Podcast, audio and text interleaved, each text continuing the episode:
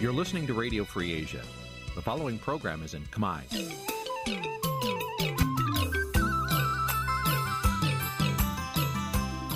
Nǐ ជាកម្មវិធីផ្សាយ Vuthu Azizi Serai នេះជាកម្មវិធីផ្សាយរបស់ Vuthu Azizi Serai ជាភាសាខ្មែរ Vuthu Azizi Serai សូមស្វាគមន៍លោកអ្នកនាងទាំងអស់ពីរដ្ឋធានី Washington នៃសហរដ្ឋអាមេរិក។ ពីរដ្ឋធានីវ៉ាស៊ីនតោនខ្ញុំបាទសេកបណ្ឌិតសូមជម្រាបសួរអស់លោកអ្នកនាងអ្នកស្ដាប់ទាំងអស់ជាទីមេត្រីយើខ្ញុំសូមជូនកម្មវិធីផ្សាយសម្រាប់ព្រឹកថ្ងៃសុក្រ1រោចខែអាសត់ឆ្នាំឆ្លូវត្រីស័កពុទ្ធសករាជ2565ត្រូវនឹងថ្ងៃទី22ខែតុលាគ្រិស្តសករាជ2021បាទជាដំបូងនេះសូមអញ្ជើញអស់លោកអ្នកនាងស្ដាប់ព័ត៌មានប្រចាំថ្ងៃដែលមានមេតិការដូចតទៅ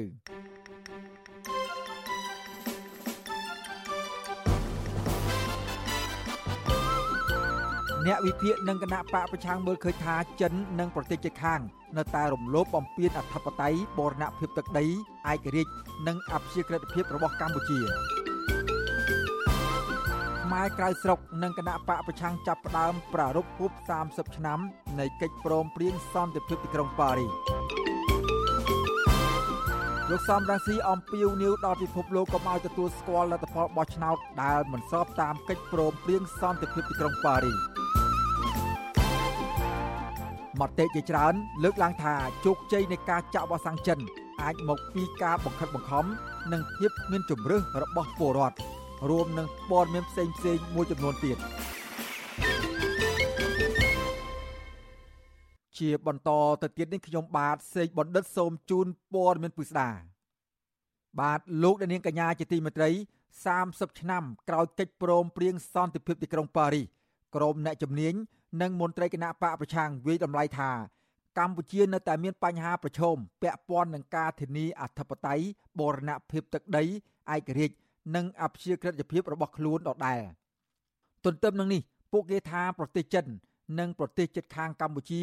ដែលជាភាគីហត្ថលេខីនៃកិច្ចព្រមព្រៀងនេះកំពុងតែរំលោភបំពានអធិបតេយ្យបូរណភាពទឹកដី និងអព្យាក្រឹតភាពរបស់កម្ពុជាចុះចំណែកគណៈបកកាន់អំណាចវិញ យល់យ៉ាងដូចម្តេចដែរចំពោះការលើកឡើងបែបនេះបាទលោកដានៀងនឹងបានស្ដាប់សេចក្តីរាយការណ៍ពិស្ដារអំពីរឿងនេះនាពេលបន្តិចទៀត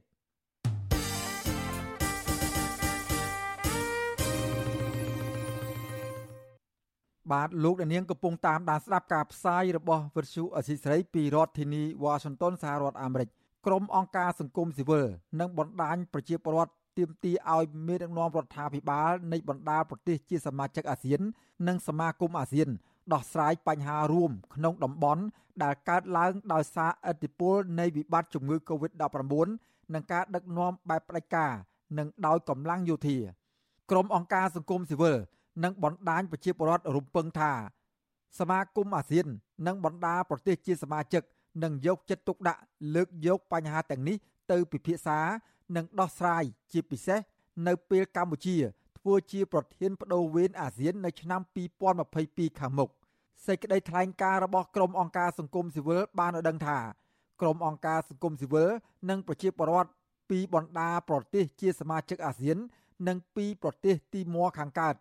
បាននាំគ្នាធ្វើសន្និសីទនិងវេទិកាប្រជាពលរដ្ឋសម្រាប់ឆ្នាំ2021នេះតាមប្រព័ន្ធវីដេអូអនឡាញ Zoom ដោយមានអ្នកចូលរួមជាង600នាក់កាលពីថ្ងៃទី15ដល់ថ្ងៃទី17ខែតុលាពួកគេបានជជែកពីបញ្ហាមួយចំនួនដែលកំពុងជួបប្រទះដែលទាមទារឲ្យមានដំណោះស្រាយក្នុងនោះរួមមានការធ្លាក់ចុះសិទ្ធិសេរីភាពប្រជាពលរដ្ឋនិងលំហសង្គមស៊ីវិលក៏ប៉ុន្តែបែរជាមានការកើនឡើងនៅអំណាចផ្ដាច់ការរបស់ក្រុមអ្នកកាន់អំណាចនិងអ្នកមានឥទ្ធិពលពាក់ព័ន្ធនៅក្នុងគ្រាដែលជំងឺ Covid-19 កំពុងរាតត្បាត ក្នុងនោះមានការបង្ក្រាបការបាញ់ប្រហារប្រជាពលរដ្ឋដែលហ៊ានចេញមុខតវ៉ាជាមួយនឹងក្រុមអ្នកដឹកនាំយោធាមីយ៉ាន់ម៉ាឬភូមាការប្រើប្រាស់វិបត្តិ COVID-19 ដាក់ប្រទេសឲ្យស្ថិតនៅក្នុងគ្រាអាសន្នដើម្បីរដ្ឋបិទធ្វើបាប ធ្វើទុកបុកម្នេញបង្កើននៅការរើសអើងនិន្នាការភេទអំពើហិង្សាក្នុងគ្រួសារព្រមទាំងមិនបានផ្ដល់ជំនួយទាន់ពេលវេលា និងគ្រប់គ្រាន់ដល់អ្នករងគ្រោះពីវិបត្តិជំងឺ Covid-19 ជាដើម។ ក្រុមអង្គការសង្គមស៊ីវិលនិងបណ្ដាញប្រជាពលរដ្ឋទាំងនោះបានលើកឡើងនៅសំណើមួយចំនួន ដើម្បីដោះស្រាយបញ្ហាទាំងនេះ ក្នុងនោះមានជាអាចការកែលម្អដំណើរការប្រជាធិបតេយ្យនិងបញ្ចប់អំពើហិង្សាដោយយោធា នៅតាមបណ្ដាប្រទេសមួយចំនួន ជាពិសេសនៅមីយ៉ាន់ម៉ាដោះលែងអ្នកទោសនយោបាយសកម្មជនសង្គមអ្នកសារព័ត៌មាន អ្នកការពារសិទ្ធិមនុស្សជាពិសេសនៅកម្ពុជាឥណ្ឌូនេស៊ីមីយ៉ាន់ម៉ា ទីម៉័រខាងកើត និងហ្វីលីពីនបណ្ដាប្រទេសអាស៊ានត្រូវផ្ដល់សច្ចាប័នបទដ្ឋានច្បាប់តាក់ទងនឹងតុលាការព្រហ្មទណ្ឌអន្តរជាតិ ICC ដែលនឹងអាចឈានទៅចោទប្រកាន់មេដឹកនាំភូមាលោកមីនអ៊ុងលៀងនិងហ្វីលីពីនលោកឌូទើតេអំពីអំពើឧក្រិដ្ឋរបស់ពួកគេ សមាគមអាស៊ានត្រូវជំរុញឲ្យមានការកែប្រែស្ថានភាពនយោបាយសេដ្ឋកិច្ចសង្គមសមភាព gender ការការពារបរិស្ថាន ធនធានធម្មជាតិដើម្បីធានាថា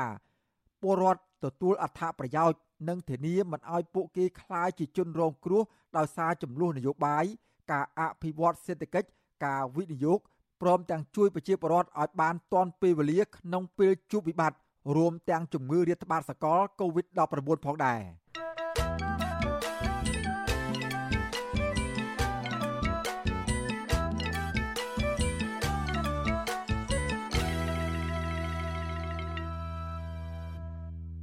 បាទលោកអ្នកនាងកំពុងតាមដានស្ដាប់ការផ្សាយរបស់វិទ្យុអសីសេរីពីរដ្ឋធានី Washington សហរដ្ឋអាមេរិកលោកសំរាស៊ីប្រធានស្ដីទីគណៈបកសង្គ្រោះជាតិអំពាវនាវដល់ពិភពលោកកុំឲ្យទទួលស្គាល់លទ្ធផលបោះឆ្នោតនៅពេលខាងមុខប្រសិនបើការបោះឆ្នោតនោះនៅតែគ្មានវត្តមានគណៈបកប្រឆាំងចូលរួមនិងមិនស្របតាមអ្វីដែលបានកំណត់នៅក្នុងកិច្ចព្រមព្រៀងសន្តិភាពទីក្រុងប៉ារីតំណាងគណៈបកកណ្ដាលអំណាចចាត់ទុកថា ការអំពាវនាវនេះ គ្មានឥទ្ធិពលអ្វីឡើយប៉ុន្តែអ្នកវិភាគនយោបាយយល់ថាសហគមន៍អន្តរជាតិនៅតែមានទូរនទីសំខាន់ក្នុងការចូលរួមដោះស្រាយបញ្ហាជាប់គាំងនយោបាយនៅកម្ពុជា បាទពីរដ្ឋធានីវ៉ាស៊ីនតោនលោកទីនសាការីយ៉ារាយការណ៍ជុំវិញព័ត៌មាននេះលោកសំរងស៊ីដែលកំពុងតែរស់នៅប្រទេសបារាំងគ្មានជំនឿថាការបោះឆ្នោតនៅពេលខាងមុខនឹងអាចប្រព្រឹត្តទៅដោយសេរីយុត្តិធម៌និងបើកចំហដោយអ្វីដែលបានចែងនៅក្នុងកិច្ចព្រមព្រៀងសន្តិភាពទីក្រុងប៉ារីស ថ្ងៃ23ដុល្លារឆ្នាំ1991នោះទេលោកគ្មានជំនឿបែបនេះដោយសាររបបលហ៊ុនសែនកំពុងតែបន្តគម្រិតកំហែងនិងបំបត្តិសិទ្ធិសេរីភាពរបស់ប្រជាពលរដ្ឋហើយគណៈកម្មាធិការជាតិរៀបចំការបោះឆ្នោតហៅកាត់ថាកោជបស្ថិតនៅក្រោមការត្រួតត្រារបស់គណៈបកកណ្ដាលអំណាចនិងរារាំងមិនឲ្យគណៈបកសង្គ្រោះជាតិដែលជាគណៈបកប្រឆាំងដ៏ធំពិតប្រាកដចូលរួមប្រកួតប្រជែងការបោះឆ្នោតនោះប្រធានស្ដីទីគណៈបកសង្គ្រោះជាតិរូបនេះ អំពាវនាវឲ្យពិភពលោកទាំងមូលគុំទទួលស្គាល់ការបោះឆ្នោតនៅពេលខាងមុខ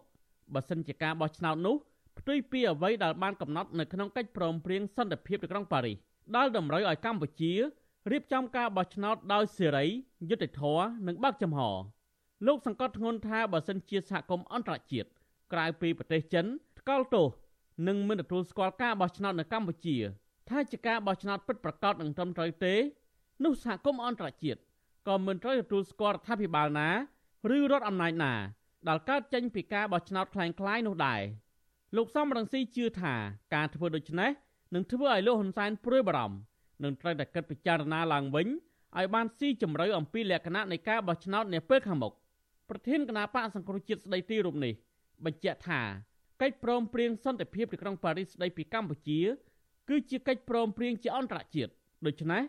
រាល់សន្ធិសញ្ញាអន្តរជាតិ ត្រូវតែគោរពឲ្យបានត្រឹមត្រូវលោកថាបើមិនដូច្នេះទេ វានឹងផ្ដល់គំរូអាក្រក់សម្រាប់សន្ធិសញ្ញាអន្តរជាតិដទៃទៀតនឹងធ្វើឲ្យមានការបាត់បង់ជំនឿចំពោះប្រទេសជាហត្ថលេខីទាំងអស់និងសហគមន៍អន្តរជាតិទាំងមូលលោកសំរងស៊ីលើកឡើងបែបនេះជាភាសាអង់គ្លេសនៅក្នុងឱកាសចូលរួមសន្និសីទសារព័ត៌មានស្ដីពីខួប30ឆ្នាំនៃកិច្ចព្រមព្រៀងសន្តិភាពទីក្រុងប៉ារីសដែលរៀបចំដោយក្រុមអ្នកសារព័ត៌មានអន្តរជាតិនៅប្រទេសថៃ កាលពីថ្ងៃទី19ដុល្លារឆ្នាំ2021ប៉ុន្តែលោកទើបតែបកប្រែជាភាសាខ្មែរនិងបានបង្ហោះនៅលើទំព័រ Facebook កាលពីយប់ថ្ងៃទី20ដុល្លារតើតើនឹងបញ្ហានេះអ្នកនាំពាក្យគណៈបកកណ្ដាលអំណាចលោកសុកអេសានឆ្លើយតបថា ការបោះឆ្នោតដល់យុទ្ធធរត្រឹមត្រូវនឹងអាចក្រៀករបស់កោជបមិនអាស្រ័យលើការលើកឡើងរបស់លោកសំរងស៊ីនោះទេលោកបន្តថាលោកសំរងស៊ីលើកឡើងបែបនេះព្រោះលោកចង់ចូលរួមការបោះឆ្នោត យើងនិយាយតែចំណុចមួយទេគាត់ទាវនាវកន្លងទៅថាមានការឈ្លានពានពីវៀតណាមពីចិនអីបាត់បង់ទឹកដីកម្ពុជាអស់ហើយទោះតែតើហត្ថលេខីទាំង18ប្រទេសនិងអង្គការសហជីវជាតិគេមានយកចិត្តទុកដាក់ក៏ប្រជុំទេក៏ប្រជុំកិច្ចព្រមព្រៀងប៉ារីប្រហែលដងហើយតាំងពី30ឆ្នាំមកហើយវាអត់មាននរណាយកចិត្តទុកដាក់ទេអញ្ចឹង2018កន្លងទៅនេះគាត់ប្រកាសមិនឲ្យគេទទួលស្គាល់លទ្ធផលបោះឆ្នោតក៏ប៉ុន្តែមាប្រទេសណាដែលអត់ទទួលស្គាល់លទ្ធផលបោះឆ្នោតទាំងអាមេរិកក៏ដោយទាំងមហាអំណាចមួយចំនួនក៏ដោយនៅតែមានតំណែងតំណងការទូតជាមួយរាជរដ្ឋាភិបាលផ្ទុយពីការលើកឡើងរបស់លោកសុកអេសាននេះសហគមន៍ជាតិនិងអន្តរជាតិនិយមប្រជាធិបតេយ្យរួមមានសារ៉ាអាមេរិកនិងសហភាពអឺរ៉ុបផងធ្លាប់បានថ្កោលទោសការបោះឆ្នោតឆ្នាំ2018នោះម្ដងរួចមកហើយដោយសារតែអវត្តមានបកប្រឆាំងសហគមន៍អន្តរជាតិបានចាត់ទុកថាការបោះឆ្នោតនោះคล้ายៗ នឹងជាការសម្លាប់លទ្ធិប្រជាធិបតេយ្យនៅកម្ពុជាដោយសារតែគណៈបកប្រឆាំងធំជាងគេ គឺគណៈបកសង្គ្រោះជាតិត្រូវបានរបបលហ៊ុនសែនរំលាយចោលនៅមិនដល់មុនមួយឆ្នាំនៃការបោះឆ្នោតនោះលើសពីនេះទៀតសហភាពអឺរ៉ុបនិងអាមេរិកក៏បានដាក់ទណ្ឌកម្មសេដ្ឋកិច្ចលើប្រទេសកម្ពុជានិងដាក់ទណ្ឌកម្មជាលក្ខណៈបុគ្គលលើក្រុមមេដឹកនាំរបបលហ៊ុនសែនព្រមទាំងផ្ដាច់ជំនួយដល់កោជបទៀតផងមកទល់ពេលនេះក្រុមប្រទេសប្រជាធិបតេយ្យធំធំ នៅតែបន្តជំរុញនិងប្រមានទុកជាមុនឲ្យរបបលហ៊ុនសែនស្ដារលទ្ធិប្រជាធិបតេយ្យនិងគោរពសិទ្ធិមនុស្សហើយរៀបចំការបោះឆ្នោតដោយសេរីត្រឹមត្រូវនិងយុត្តិធម៌ឡើងវិញដោយមានការចូលរួមពីគណៈបកសង្គ្រោះជាតិជំវិញលើរឿងនេះអ្នកឆ្លងជ្រាវផ្នែកអភិវឌ្ឍសង្គមបណ្ឌិតសេនស៊ូរីមើលឃើញថាសហគមន៍អន្តរជាតិនៅតែដើរតួនាទីសំខាន់និងនៅតែព្យាយាមជួយដោះស្រាយបញ្ហាជាប់កែននយោបាយនៅកម្ពុជា ទោះជាណាលោកចង់ឃើញគណៈបកកណ្ដាលអំណាចនិងគណៈបកប្រឆាំងគួរតែថយមួយជំហានម្នាក់ដើម្បីវិលទៅជួបជជែកគ្នាបញ្ចប់ចំនួននយោបាយរ៉ាំរ៉ៃឡើងវិញសម្រាប់ជាប្រយោជន៍ជាតិនិងប្រយោជន៍ប្រជាពលរដ្ឋទាំងមូល។ កត្តាវាស់វែងតកតងទៅនឹងការទទួលស្គាល់ទៅលើការបោះឆ្នោតឆ្នាំ2022-2023ការទទួលស្គាល់ពីអន្តរជាតិវាជារឿងមួយសំខាន់ក៏ប៉ុន្តែការយកសចនាករនៃការចូលរួមបោះឆ្នោតរបស់ពលរដ្ឋក៏ជាផ្នែកមួយសំខាន់ដែរហើយអ្វីដែលសំខាន់នោះគឺបរិយាកាសនយោបាយការគោរពសិទ្ធិមនុស្សជាតបតៃអីហ្នឹងអញ្ចឹងទាល់តែភាគីអ្នកដែលមានកម្លាំងនយោបាយទាំងពីរហ្នឹងដកឃ្លាម្នាក់មួយចំហៀនភាគីដែលកាន់អំណាចកាន់រដ្ឋាភិបាលបទូបថយធ្វើម៉េចធានាទៅលើបរិយាយាកាសនយោបាយដែលអាចមានការប្រកួតប្រជែងដោយសេរីនិងយុត្តិធម៌ហើយដៃគូមួយចំហៀងទៀតដែលកំពុងតែប្រកួតប្រជែងអំណាចហ្នឹងគឺបថយសារនយោបាយដែលមានលក្ខណៈចាក់ដោតបង្កើតនៅការឈឺចាប់កម្រិតបុគ្គលកាលពីខែកក្កដាកន្លងទៅក្រុមអង្គការសង្គមស៊ីវិលចំនួន64ស្ថាប័នបានរួមគ្នាទាមទាររដ្ឋាភិបាលលហ៊ុនសែនធានាឲ្យបាននៅលក្ខខណ្ឌអបបរមា6ចំណុចដើម្បីឲ្យការបោះឆ្នោតប្រព្រឹត្តទៅដោយសេរីនិងយុត្តិធម៌នៅពេលខាងមុខ លក្ខខណ្ឌទាំងនោះរួមមានការបង្កើតបរិយាកាសនយោបាយសេរី ការធានាសិទ្ធិនយោបាយសិទ្ធិអ្នកបោះឆ្នោតសមាជិកគណៈកម្មាធិការជាតិរៀបចំការបោះឆ្នោតឯកគ្រាកភាពតុលាការនិងកងកម្លាំងប្រដាប់អាវុធព្រមទាំងធានាឲ្យសង្គមស៊ីវិលនិងប្រព័ន្ធផ្សព្វផ្សាយអាចអនុវត្តទូនាទីដោយសេរីឡើងវិញជាដើមខ្ញុំទីនសាការីយ៉ាអស៊ីសេរីប្រធានីវ៉ាស៊ីនតោន បាទពាក់ព័ន្ធនឹងការប្រារព្ធខួប23ដុល្លារនៃកិច្ចព្រមព្រៀងសន្តិភាពទីក្រុងប៉ារីសនេះដែរខ្មែរនៅក្រៅស្រុកនិងសកម្មជនគណៈបកប្រឆាំងចាប់ផ្ដើមប្រារព្ធខួបលើកទី30នៃកិច្ចព្រមព្រៀងសន្តិភាពទីក្រុងប៉ារីសដោយទាមទារឲ្យរបបក្រុងភ្នំពេញងាកមកគោរពសិទ្ធិមនុស្សប្រជាធិបតេយ្យនិងបើកលំហនយោបាយឡើងវិញទោះយ៉ាងណាមន្ត្រីគណៈបកកាន់អំណាចនៅតែនិយាយដដែលដដែលថារដ្ឋាភិបាលមិនខ្វល់នឹងការទៀមទាទាំងនោះទេ ព្រោះរដ្ឋាភិបាលបានអនុវត្តកិច្ចព្រមព្រៀងនេះបានត្រឹមត្រូវហើយខ្មែរនៅក្រៅស្រុកនិងសកម្មជនគណៈបកប្រឆាំងចាប់ផ្ដើមប្រារព្ធខួបលើកទី30នៃកិច្ចព្រមព្រៀងសន្តិភាពទីក្រុងប៉ារីសតាមរូបភាពផ្សេងផ្សេងគ្នា អាស្រ័យទៅតាមស្ថានភាពជាក់ស្ដែង ក្នុងបរិបទនៃវិបត្តិជំងឺ Covid-19 ការទៀមទាទាំងនោះរួមមានការធ្វើបាតកម្មដាក់ញត្តិជួបជុំសម្ដែងមតិ និងជជែកពិភាក្សាតាមអនឡាញជាដើមប្រធានគណៈបកសង្គ្រោះជាតិនៅក្រៅប្រទេស CNRPO លោកម៉ែនវណ្ណាឲ្យវិទ្យុអសីសេរីដឹងនៅថ្ងៃទី21ខែតុលាថាខ្មែរនៅក្រៅស្រុកនិងសកម្មជនគណៈបកសង្គ្រោះជាតិនៅសហរដ្ឋអាមេរិកប្រទេសបារាំងស្វីសនូវែលសេឡង់អូស្ត្រាលី និងប្រទេសមួយចំនួនទៀតក្នុងតំបន់អាស៊ីបានធ្វើបាតកម្មនឹងគ្រោងធ្វើបាតកម្មដើម្បីស្នើសុំកិច្ចអន្តរាគមន៍ ឲ្យរបបក្រុងភ្នំពេញងាកមកគោរពសិទ្ធិមនុស្សប្រជាធិបតេយ្យឲ្យស្របតាមស្មារតីនៃកិច្ចព្រមព្រៀងសន្តិភាពទីក្រុងប៉ារីសលោកបន្តថាខ្មែរនិងសកម្មជនគណៈបកប្រឆាំងនៅប្រទេសនូវែលសេឡង់បានធ្វើបាតកម្មនៅមុខវិមានរដ្ឋសភាប្រទេសនេះកាលពីថ្ងៃទី20ខែតុលាដោយស្នើទៅរដ្ឋាភិបាលនូវែលសេឡង់ឲ្យជំរុញទៅរបបក្រុងភ្នំពេញគោរពតាមស្មារតីកិច្ចព្រមព្រៀងសន្តិភាពទីក្រុងប៉ារីស នេះគឺខ្ញុំចង់ឲ្យបងប្អូនប្រជាពលរដ្ឋទាំងអស់ដែលស្រឡាញ់លទ្ធិប្រជាធិបតេយ្យពិតប្រាកដហើយជួយប្រទេសខ្មែរយើងកុំឲ្យធ្លាក់ក្នុងអំណាចផ្ដាច់ការនេះគឺសូមយើងចូលរួមអឺទាំងអស់គ្នាពីព្រោះនេះមិនមែនជាកម្មសិទ្ធិរបស់បុគ្គលណាមួយឬក៏មេគណៈបកណាមួយឬក្រុមណាមួយទេមេការសំណង់ធ្វើការនៅក្នុងប្រទេសថៃលោកមិចសំណាង ដែលបានផ្ដួចផ្ដើមធ្វើពិធីអបអរកិច្ចព្រមព្រៀងសន្តិភាពទីក្រុងប៉ារីសនេះដែរបានប្រាប់វិទ្យុអាស៊ីសេរីថាលោកបានអញ្ជើញពលករសកម្មជនគណៈបកប្រឆាំងនិងអ្នកវិភាគនយោបាយដែលកំពុងរស់នៅប្រទេសថៃ មកជួបជុំគ្នាសម្ដែងមតិនិងហូបនំបញ្ចុកសាមគ្គី នៅថ្ងៃទី22ខែតុលាដើម្បីរំលឹកខួបលើកទី30នៃកិច្ចព្រមព្រៀងសន្តិភាពទីក្រុងប៉ារីស តំណាងពលកររូបនេះឲ្យដឹងទៀតថាគោលបំណងដែលលោកធ្វើកម្មវិធីនេះឡើង ដើម្បីចង់ឲ្យកូនខ្មែរគ្រប់រូបចងចាំ និងយល់ដឹងពីអត្តន័យនៃកិច្ចព្រមព្រៀងនេះ ទី1យើងមានលោកសូនមុនពណ៌ព្រំអញ្ចឹងទៅហើយកម្មវិធីទី2គឺចំណាប់អារម្មណ៍របស់ជនភៀសខ្លួនយ៉ាងថ្ងៃទី3ផងយើងពលករតំណាងឲ្យពលករតំណាងឲ្យនឹងបងសេងសេរីគាត់ឡើងមានមតិយោបល់ពាក់ព័ន្ធនឹង23ដុល្លារហ្នឹងហើយនឹងកម្មវិធីសំណួររបស់បងប្អូនពលករយើងហើយសរុបបញ្ចប់កម្មវិធីយើងបិទកម្មវិធីយើងមានការហូបនំបញ្ចុកសាមគ្គីមួយទៀតរីឯប្រធានចលនាយុវជនសង្គ្រោះជាតិ នៅប្រទេសជប៉ុន លោកហៃវ៉ាណាឲ្យដឹងដែរថាខ្មែររស់នៅក្នុងប្រទេសជប៉ុននឹងធ្វើបាតកម្មនៅទីធ្លាសួនច្បារមួយកន្លែង ក្នុងទីក្រុងតូក្យូនាថ្ងៃទី23ខែតុលាខាងមុខដើម្បីទាមទារទៅរបបលោកហ៊ុនសែនឲ្យគោរពគោលការណ៍នានា ដែលបានចែងនៅក្នុងកិច្ចព្រមព្រៀងសន្តិភាពទីក្រុងប៉ារីសលោកស្នើទៅពលរដ្ឋខ្មែររស់នៅប្រទេសជប៉ុន ចូលរួមធ្វើបាតុកម្មនេះឲ្យបានច្រើនកកក ឲ្យប្រទេសហត្ថលេខីនៃសន្ធិសញ្ញាហ្នឹងគាត់ជួយជំរុញឲ្យរបបហ៊ុនសែនហ្នឹងគោរពកិច្ចព្រមព្រៀងសន្តិភាពក្នុងប៉ារីសហ្នឹងសង្ឃឹមថានឹងមានប្រជាពលរដ្ឋខ្មែរយើងដែលគ្រប់គ្រងប្រជាធិបតេយ្យចង់ឃើញប្រទេសកម្ពុជាមានការគោរពសិទ្ធិនោះហ្នឹងនឹងជើញចូលរួមបានច្រើនស្រដៀងគ្នានេះដែរសកម្មជនគណៈបកសង្គ្រោះជាតិដែលកំពុងភៀសខ្លួននៅក្នុងប្រទេសថៃនៅថ្ងៃទី21ខែតុលា ក៏បាននាំគ្នាយកញត្តិទៅដាក់នៅខាងមុខវិមានរដ្ឋាភិបាលថៃដោយស្នើឲ្យរដ្ឋាភិបាលប្រទេសនេះជំរុញទៅរដ្ឋាភិបាលលោកហ៊ុនសែនឲ្យគោរពនិងអនុវត្តកិច្ចព្រមព្រៀងសន្តិភាពទីក្រុងប៉ារីសឲ្យបានពេញលេញថ្ងៃទី23ខែតុលាឆ្នាំ2021ខាងមុខនេះគឺជាខួបលើកទី30នៃកិច្ចព្រមព្រៀងសន្តិភាពទីក្រុងប៉ារីសកិច្ចព្រមព្រៀងសន្តិភាពទីក្រុងប៉ារីសត្រូវបានបង្កើតឡើងដោយភាគីខ្មែរ4ក្រុម កាលពីថ្ងៃទី23ខែតុលាឆ្នាំ1991ដោយមានតំណាងមកពី19ប្រទេសចូលរួម ដើម្បីបញ្ចប់សង្គ្រាមនៅក្នុងប្រទេសកម្ពុជា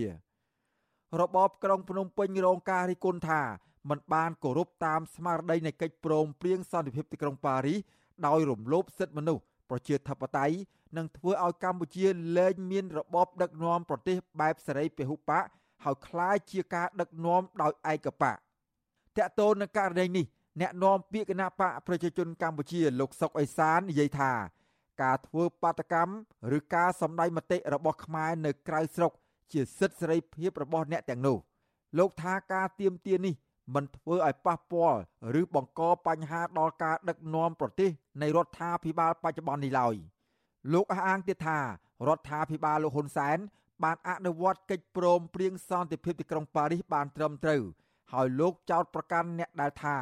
ដ្ឋាភិបាលអនុវត្តកិច្ចព្រមព្រៀងមិនត្រឹមត្រូវថា គឺជាការចោទប្រកាន់ខុសពីការពិត ជាមតិរបស់គាត់យើងមានមតិជាមតិរបស់យើងបញ្ហាសំខាន់ទៅស្ថិតនៅលើការជាក់ស្ដែងទេការដាក់ទណ្ឌកម្មមិនបានផ្សារភ្ជាប់ទៅនឹងការអនុវត្តកិច្ចព្រមព្រៀងទីក្រុងប៉ារីសទេការដាក់ទណ្ឌកម្មមកលើកម្ពុជាដោយការដក EVA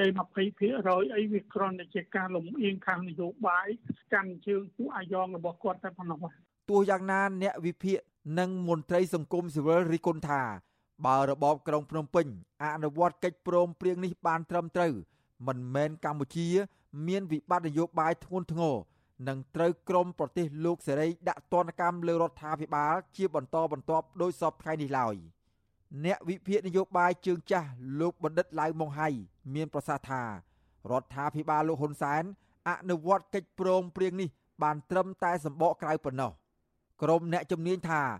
គេដំណើរអវិជ្ជមាននៃការអនុវត្តកិច្ចព្រមព្រៀងនេះមិនបានពេញលេញ កំពុងរុញច្រានកម្ពុជាឲ្យមកគ្រប់គ្រងប្រទេសដោយរបបឯកបក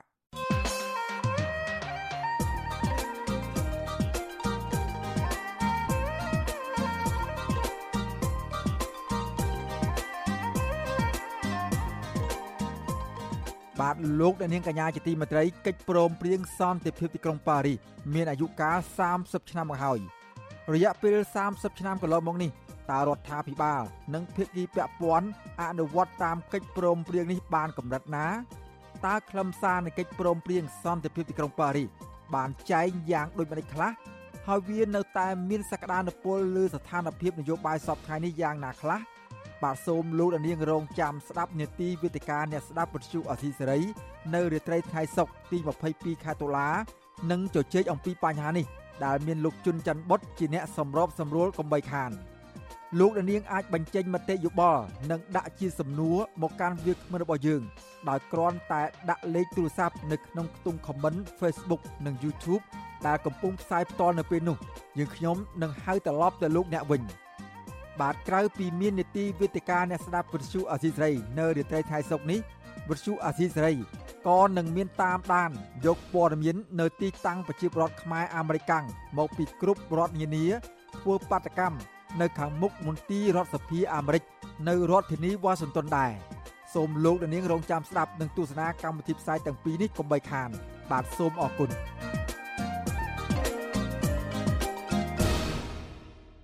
បាទលោកអ្នកនាងកញ្ញាជាទីមេត្រីប្រជាសហគមន៍ខេត្តកំពង់ស្ពឺជាង100នាក់បានលើកគ្នាតវ៉ារយៈពេល3ថ្ងៃជាប់ជាប់គ្នាមកហើយ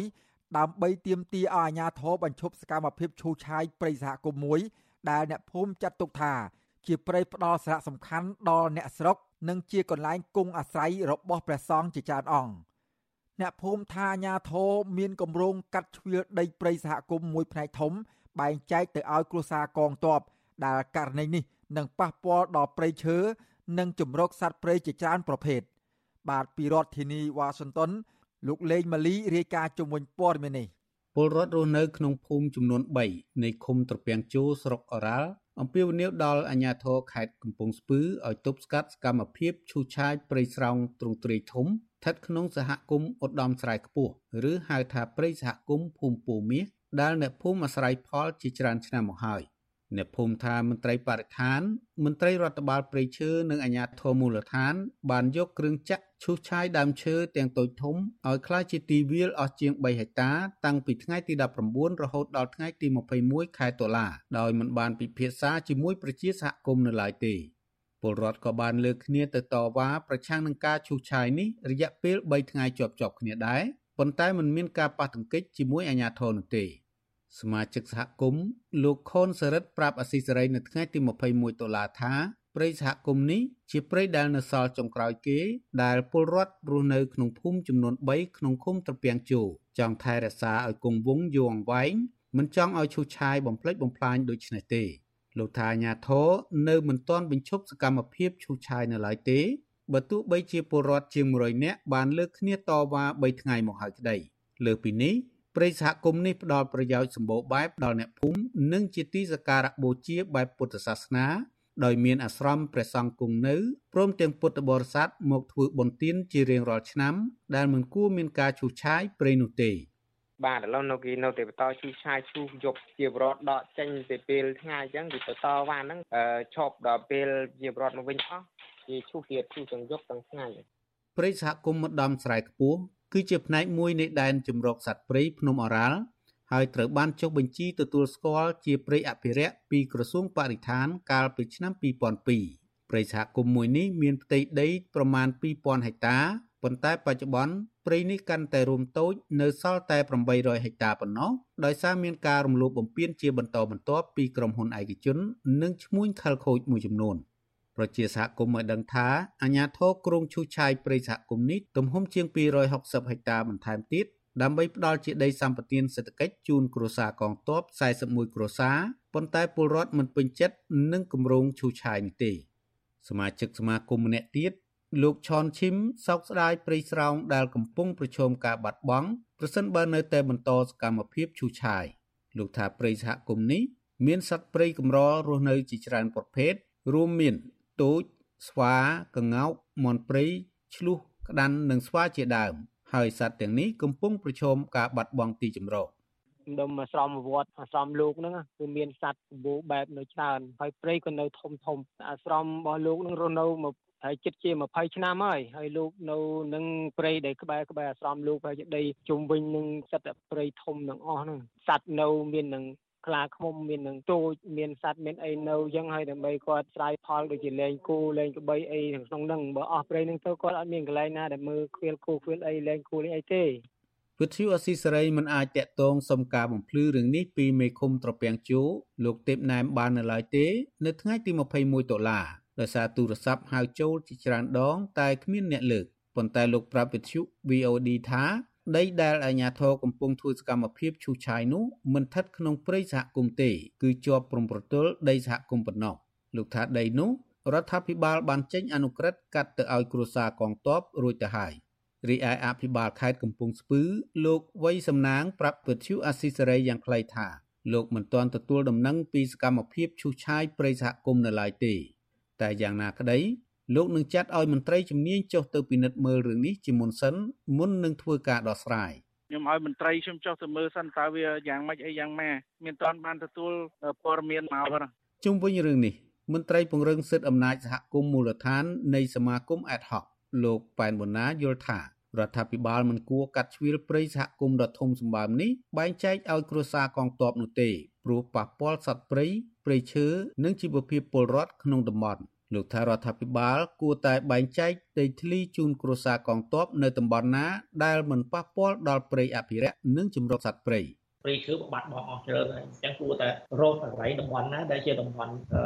ដកហូតយើងឃើញថាដកហូតដីតាមប្រទានសេដ្ឋកិច្ចច្រើនណាបាទប៉ុន្តែវាដូចអត់មានឃើញយកទៅយោធាក្រីក្រយកទៅដាក់កន្លែងនោះបែរយើងយកមកដាក់ដាក់កន្លែងតំបន់កាតំបន់អំពើសហគមន៍ទៅវិញអញ្ចឹង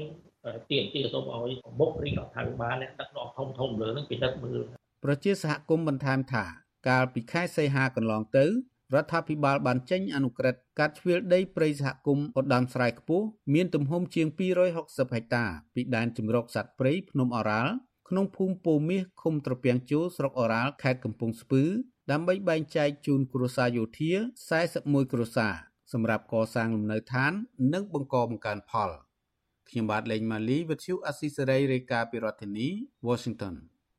បាទលោកអ្នកនាងកញ្ញាជាទីមេត្រីងាកមកមើលបញ្ហា COVID-19 វិញម្ដង ក្រសួងសុខាភិបាលមិនតម្រូវឲ្យធ្វើតេស្តសពរោគជំងឺ COVID-19 បន្តទៀតទេ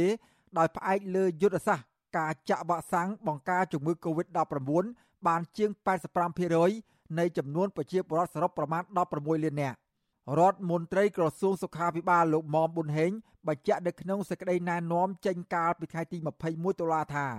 ដើម្បីធានាដល់ការបង្ការនិងទប់ស្កាត់ការឆ្លងជំងឺ Covid-19 ផ្សេងផ្សេងនៅតាមមន្ទីរពេទ្យនិងគេហដ្ឋានអ្នកទទួលខុសត្រូវគ្រប់គ្រងនិងចាត់ចែងសពត្រូវអនុវត្តតាមវិធានការសុខាភិបាលគោលការណ៍សំខាន់សំខាន់ចំនួន3ដែលត្រូវអនុវត្តតាមរួមមានគោលការណ៍សុវត្ថិភាពនៃការរៀបចំទុកដាក់សព ការគោរពសេចក្តីថ្លៃថ្នូររបស់សពនិងការកាត់បន្ថយហានិភ័យសុខភាពសាធារណៈសេចក្តីណែនាំបញ្ជាក់ថា នៅពេលរៀបចំទុកដាក់សពត្រូវមានសម្ភារៈលាងសម្អាតដៃឬទឹកសម្លាប់មេរោគនិងពាក់ឧបករណ៍ការពារខ្លួនឲ្យបានត្រឹមត្រូវសពត្រូវរៀបចំទុកដាក់ឲ្យបានសមរម្យតាមទំនៀមទម្លាប់ប្រពៃណីនិងសាសនាដោយផ្អែកតាមកម្រិតហានិភ័យនៃការឆ្លងជំងឺ និងវិធានការសុខាភិបាលជាធរមាន ចំណែកគោលការណ៍បន្ថយហានិភ័យសុខភាពសាធារណៈវិញត្រូវសម្អាតបរិស្ថាន និងរក្សាអនាម័យឲ្យបានល្អដើម្បីបង្ការការចម្លងរោគនៅគេហដ្ឋានកន្លែងរក្សាសពទីបូជាសពឬបញ្ចុះសពនិងទីតាំងជុំវិញនោះពាក់ព័ន្ធនឹងករណីស្លាប់ដោយសារជំងឺ Covid-19 បានកើនឡើងដល់ជាង2700នាក់ហើយ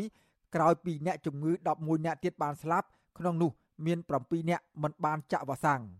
ចំណែកករណីឆ្លងថ្មីវិញ ក្រសួងសុខាភិបាលប្រកាសថាមានជាង100នាក់ដែលជាលទ្ធផលបញ្ជាក់ដោយម៉ាស៊ីនពិសោធន៍ PCR ក៏ប៉ុន្តែតួលេខនេះមិនរាប់បញ្ចូលលទ្ធផលដែលពិនិត្យតាមឧបករណ៍តេស្តរហ័សឬ Rapid Test នោះទេគិតត្រឹមព្រឹកថ្ងៃទី21ដុល្លារកម្ពុជាមានអ្នកកើតជំងឺ Covid-19 ជាង110,000នាក់ក្នុងនោះអ្នកជាសះស្បើយមានប្រមាណ110,000នាក់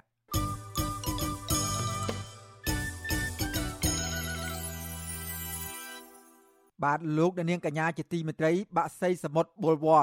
ត្រូវបានគេរកឃើញជាលើកដំបូងនៅដែនជំរកសត្វព្រៃលំផាត់នៅក្នុងខេត្តរតនគិរីកាលពីថ្ងៃទី17ខែតុលាគេហទំព័ររបស់អង្គការជីវិតសត្វស្លាបអន្តរជាតិនៅកម្ពុជា កាលពីថ្ងៃទី19ខែតុលាឲ្យដឹងថាសត្វស្លាបសមុទ្រប្រភេទនេះជាធម្មតាគេប្រទះឃើញនៅលើផ្ទៃសមុទ្របើកចំហ ក៏ប៉ុន្តែវត្តមានបាក់សីមួយក្បាលនេះអាចធ្វើកំណត់ត្រាដំបូងនៅប្រទេសកម្ពុជាចម្ងាយជាង200គីឡូម៉ែត្រពីឆ្នេរសមុទ្រនិងពុំធ្លាប់មានពីមុនមកកសិករនៅស្រុកលំផាត់លោកផលីណាបានជូនដំណឹងដល់បុគ្គលិកអង្គការជីវិតសត្វស្លាបក្រោយពីដែលលោកបានដោះលែងបាក់សីនេះបន្ទាប់ពីបានហើរចូលបរិវេណផ្ទះលោកប្រភពដដែលសង្ស័យថាវត្តមានសត្វបាក់សីប្រភេទនេះនៅដែនជម្រកសត្វព្រៃលំផាត់អាចបណ្ដាលមកពីខ្យល់ព្យុះទីហ្វុងកុំប៉ាស៊ូ ដែលកំពុងធ្វើដំណើរឆ្លងកាត់ភៀកខាងត្បូងប្រទេសចិន ចូលមកក្នុងតំបន់ឥណ្ឌូចិនភៀកខាងជើង បានបោកបក់នាំយកបាក់សីមួយនេះពីដែនសមុទ្រឆ្ងាយមកកាន់តំបន់ដីគោកនៅក្នុងប្រទេសកម្ពុជា បាក់សីសមុទ្របុលវ៉គឺជាសត្វបាក់សីដែលគេប្រទះឃើញនៅក្នុងដែនទឹកអាស៊ីអាគ្នេយ៍ភាគច្រើនបាក់សីប្រភេទនេះត្រូវបានគេរកឃើញនៅតំបន់កោះតូចតូចនៅសមុទ្រចិនខាងកើតនិងប៉ាស៊ីហ្វិកខាងលិច រួមទាំងនៅទីតាំងមួយចំនួននៅកោះ Ryukyu ដែលស្ថិតនៅភាគខាងត្បូងប្រទេសជប៉ុន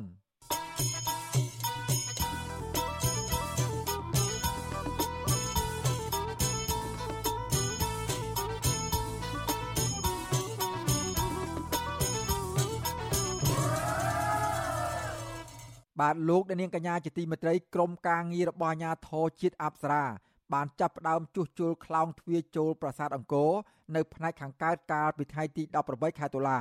ខ្លោងទ្វារនេះត្រូវបានខូចខាតដោយសារអាយុកាលបញ្ហាអាកាសធាតុនិងការដុះដើមឈើជុំវិញជាដើមអាជ្ញាធរជាតិអប្សរាកាលពីថ្ងៃទី20ខែតុលាឲ្យដឹងថាបុរាណវិទូទទួលបន្ទុកការងារជួសជុលលោកភិនវិជាសាចារា សង្កេតឃើញថាថ្មីបើច្រកចូលខាងកើតនៃប្រាសាទអង្គរវត្តត្រូវខូចខាតបន្តិចបន្តួចនៅផ្នែកខ្លះដូចជាចន្ទាលដំបូល និងហោជាងក៏ដោយក៏ចាំបាច់ត្រូវការជួសជុលនិងថែទាំឡើងវិញ ដើម្បីជៀសវាងការខូចខាតធ្ងន់ធ្ងរនាពេលអនាគតលោកបន្តថាក្រុមអង្គការបានសិក្សាពីការបែងចែកស្រទាប់ថ្មដោយយកថ្មចេញមកសម្អាតទាំងអស់រួចដាក់បញ្ចូលទៅកន្លែងដើមរបស់វាវិញឧស្សាហបុរាណអង្គរទំហំ400គីឡូម៉ែត្រក្រឡាស្ថិតនៅភាគពាយ័ព្យនៃខេត្តសៀមរាបត្រូវបានចុះក្នុងបញ្ជីបេតិកភណ្ឌពិភពលោករបស់អង្គការអប់រំវិទ្យាសាស្ត្រនិងវប្បធម៌របស់អង្គការសហប្រជាជាតិ ហៅកាត់ថាអង្គការ UNESCO កាលពីឆ្នាំ1992មុនការរាតត្បាតនៃជំងឺ Covid-19 ភ្ញៀវទេសចរអន្តរជាតិមកទស្សនាតំបន់អង្គរមានចំនួនជាង2លាននាក់ក្នុងឆ្នាំ2019ដោយទទួលបានប្រាក់ចំណូលសរុបចំនួន99លានដុល្លារពីការលក់សម្បត្តិក៏ប៉ុន្តែនៅក្នុងអំឡុងពេល9ខែចាប់ពីខែមករាដល់ខែកញ្ញាឆ្នាំ2021ចំនួនភ្ញៀវទេសចរបានធ្លាក់ចុះយ៉ាងគំហុក ចុះមកត្រឹមចំនួនជាង60000នាក់ដែលថយចុះជាង98%បើធៀបអំឡុងពេលដូចគ្នាកាលពីឆ្នាំ2020ដែលទទួលបានចំណូលជាង250,000ដុល្លារអាមេរិក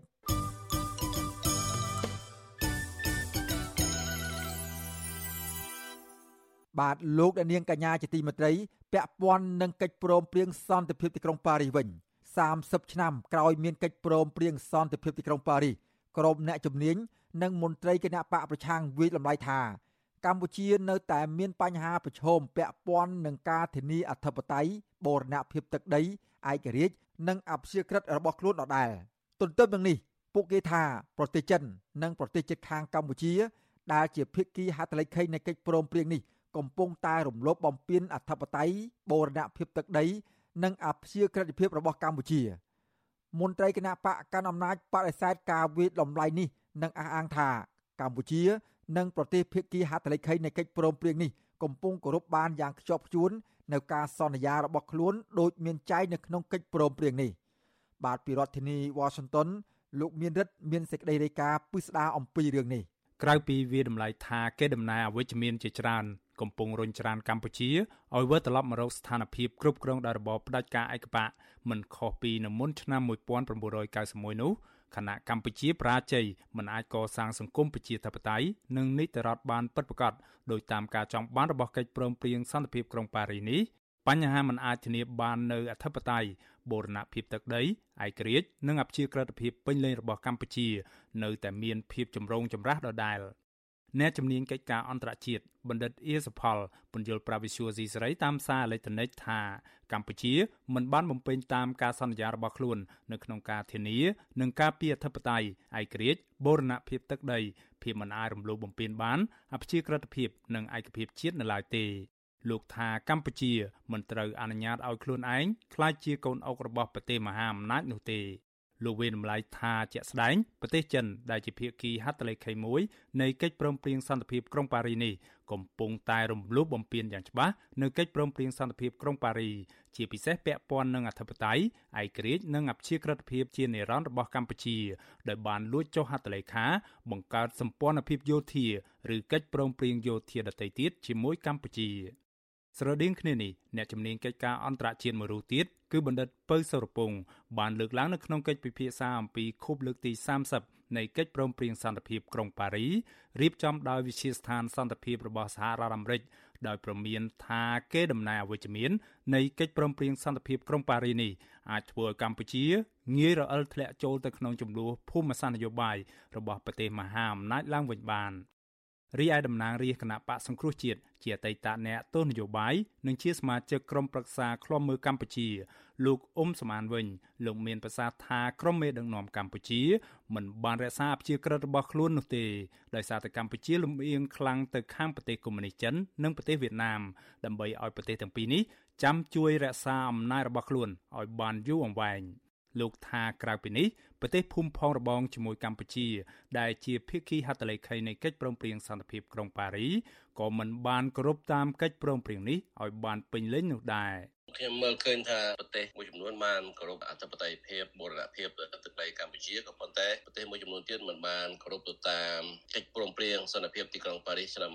1991ទេជាពិសេសប្រទេសជិតខាងរបស់កម្ពុជា ដូចជាប្រទេសឡាវថៃវៀតណាមជាដើមមិនបានគោរពទៅតាមកិច្ចព្រមព្រៀងសន្តិភាពទីក្រុងប៉ារីសឆ្នាំ1991ដែលតម្រូវឲ្យប្រទេសទាំងអស់ហ្នឹងក្រុមនៅបូរណភាពទឹកដីកម្ពុជាបើផ្ទុយទៅវិញគឺប្រទេសទាំង3ហ្នឹងបានរំលោភមកលើបូរណភាពទឹកដីកម្ពុជាដោយរំលោភព្រំដែនកម្ពុជាបានខិតមកមកគោព្រំដែននៅខណ្ឌសីមាចូលមកទឹកដីរបស់កម្ពុជាហើយយើងឃើញជាក់ស្ដែងចឹងណា វិសុវអេស៊ីស្រីបានព្យាយាមតាក់ទងស្ថានទូតនៃប្រទេសចិនវៀតណាមឡាវនិងថៃប្រចាំនៅកម្ពុជាដើម្បីសុំប្រតិកម្មតបជុំវិញការវាយតម្លៃនិងអំណះអំណាងទាំងនេះក៏ប៉ុន្តែនៅមិនទាន់ទទួលបានការឆ្លើយតបណាមួយនៅឡើយទេគិតត្រឹមម៉ោងផ្សាយនេះវិសុវអេស៊ីស្រីក៏មិនអាចតាក់ទងแนะនាំពាក្យរដ្ឋាភិបាលលោកផៃស៊ីផានដើម្បីសុំការបកស្រាយជុំវិញរឿងនេះបានដែរដោយទូរស័ព្ទហៅចូលតែពុំមានអ្នកលើកកាលពីល្ងាចថ្ងៃទី21ខែតុលា រីឯអ្នកនាំពាក្យគណៈបកប្រជាជនកម្ពុជាលោកសុកអេសានវិញលោកបដិសេធការចោទប្រកាន់ទាំងនេះហើយលោកថាទាំងកម្ពុជានិងទាំងប្រទេសភាគីហត្ថលេខីនៃកិច្ចព្រមព្រៀងសន្តិភាពក្រុងប៉ារីសុទ្ធតែបានគោរពយ៉ាងខ្ជាប់ខ្ជួននៅកិច្ចព្រមព្រៀងនេះ លោកថាក្នុងរយៈពេល30ឆ្នាំមកនេះមិនដែលមានការកោះប្រជុំដោយភាគីហត្ថលេខីនៃកិច្ចព្រមព្រៀងនេះឬក្រុមប្រឹក្សាសន្តិសុខអង្គការសហប្រជាជាតិដើម្បីដោះស្រាយបញ្ហាឈ្លានពានមកលើបូរណភាពទឹកដីរបស់កម្ពុជានោះទេបើទោះបីជាកាលពីឆ្នាំ2008កន្លងទៅ កម្ពុជាធ្លាប់មានចំនួនប្រដាប់អាវុធជាមួយភាគីថៃនៅតាមបណ្ដោយព្រំដែនជុំវិញរឿងប្រាសាទព្រះវិហារក៏ដោយ លោកបដិសេធថាគ្មានប្រទេសណាមួយមកត្រួតត្រាឬដាក់អាណានិគមបង្គាប់បញ្ជាឬឈ្លានពានកម្ពុជានោះទេហើយកម្ពុជាខ្លួនឯងក៏បានព្យាយាមដោះស្រាយបញ្ហាព្រំដែនជាមួយប្រទេសជិតខាងតាមរយៈការបោះបង្គោលព្រំដែនដីគោកបានសម្រេចមួយភាគធំផងដែរ ជុំវិញបញ្ហារក្សាព្យាក្រឹតជាមួយប្រទេសចិនវិញលោកសុកអេសានថ្លែងការពីថាកម្ពុជាប្រកាន់ចំហអព្យាក្រឹតសន្តិសហវិជ្ជមានជាមួយបណ្ដាប្រទេសនៅលើពិភពលោកដោយមានចែងនៅក្នុងរដ្ឋធម្មនុញ្ញសពថ្ងៃនេះកម្ពុជាទី1មានឯករាជ្យអត់មានបរទេសណាមកត្រួតត្រាកម្ពុជាទេ ដែលហៅថាឯករាជ្យនេះគឺអត់មានអ្នកណាមកត្រួតត្រាកម្ពុជាជាអាណានិគមពីលើកម្ពុជាទេចំណុចទី2យើងមានអធិបតេយ្យគឺអត់មានបរទេសណាមកបង្គាប់បញ្ជាទៅលើរាជរដ្ឋាភិបាលកម្ពុជាឲ្យអនុវត្តចេះអនុវត្តចូលទេគឺយើងធ្វើទៅតាមកម្មវិធីនយោបាយរបស់គណៈបកដែលជាប់ឆ្នោតតាមចន្ទៈរបស់ប្រជាពលរដ្ឋចំណុចទី3យើងមានពរណភាពទឹកដីរាល់ថ្ងៃនេះមានដណាហើយយកឆ្លៀនពៀនយើងក៏ប៉ុន្តែផ្ទុយពីការអះអាងនេះ ការងាកទៅអោបកសោបប្រទេសកុម្មុយនីសចិនកាន់តែខ្លាំងជាពិសេសក្រោយការរំលាយគណៈបកសង្គ្រោះជាតិកាលពីចុងឆ្នាំ2017និងព្រឹត្តិការណ៍បោះឆ្នោតជាតិឆ្នាំ2018ដើម្បីជួយការពារអំណាចនិងការបង្កើតរដ្ឋាភិបាលខ្វះភាពស្របច្បាប់របស់របបឯកបកនេះត្រូវក្រុមអ្នកវិភាគប្រទេសលោកស្រី និងសារព័ត៌មានអន្តរជាតិធំធំ លើកយកមកនិយាយនិងសម្ដែងកង្វល់ជាហូរហែជាពិសេសករណីសង្ស័យថាកម្ពុជា បានលួចចុះកុងត្រាយោធាសម្ងាត់រយៈពេល30ឆ្នាំជាមួយប្រទេសចិនអនុញ្ញាតឲ្យប្រទេសនេះប្រើប្រាស់កំពង់ផែកងទ័ពជើងទឹករៀមផ្ដាច់មុខទន្ទឹមនឹងនេះកម្ពុជាក៏អនុញ្ញាតឲ្យចិនគ្រប់គ្រងមួយភាគធំនៃឆ្នេរសមុទ្ររបស់ខ្លួននិងអភិវឌ្ឍនៅតំបន់តារាសាគរនៅក្នុងខេត្តកោះកុងដែលអ្នកជំនាញថាអាចអនុញ្ញាតឲ្យប្រទេសចិនកែប្រែតំបន់នោះទៅបម្រើឲ្យវិស័យយោធារបស់ខ្លួននាពេលអនាគត អ្នកវិភាគមួយចំនួនក៏បានលើកឡើងដែរថាកម្ពុជាបានលួចអធិបតេយ្យរបស់ខ្លួនទៅឲ្យប្រទេសចិនដែលយកអាស៊ានធ្វើជាចំណាប់ខ្មាំងមិនឲ្យចេញសេចក្តីថ្លែងការណ៍រួមកើតនៅពេលដែលខ្លួនធ្វើជាប្រធានបដូវវេនអាស៊ាន កាលពីឆ្នាំ2012និងនៅក្នុងកិច្ចប្រជុំអាស៊ាននៅឆ្នាំ2016កន្លងទៅក្តីបារម្ភដដែលនេះក៏បានលេចចេញសារជាថ្មីខណៈកម្ពុជាកំពុងត្រៀមខ្លួនធ្វើជាប្រធានអាស៊ាន នៅឆ្នាំ2022ខាងមុខនេះតំណាងរាជគណៈបកសង្គ្រោះជាតិ លោកអ៊ុំសំអានប្រមានថាការបន្តរំលោភបូរណភាពទឹកដីអធិបតេយ្យនិងអព្យាក្រឹតភាពរបស់កម្ពុជានេះគឺជារឿងមិនចេះចប់មិនចេះហើយ ដែលអាចបណ្ដាលឲ្យកម្ពុជា ធ្លាក់ផុងក្នុងបញ្ហាធំពាក់ព័ន្ធនឹងសន្តិសុខក្នុងតំបន់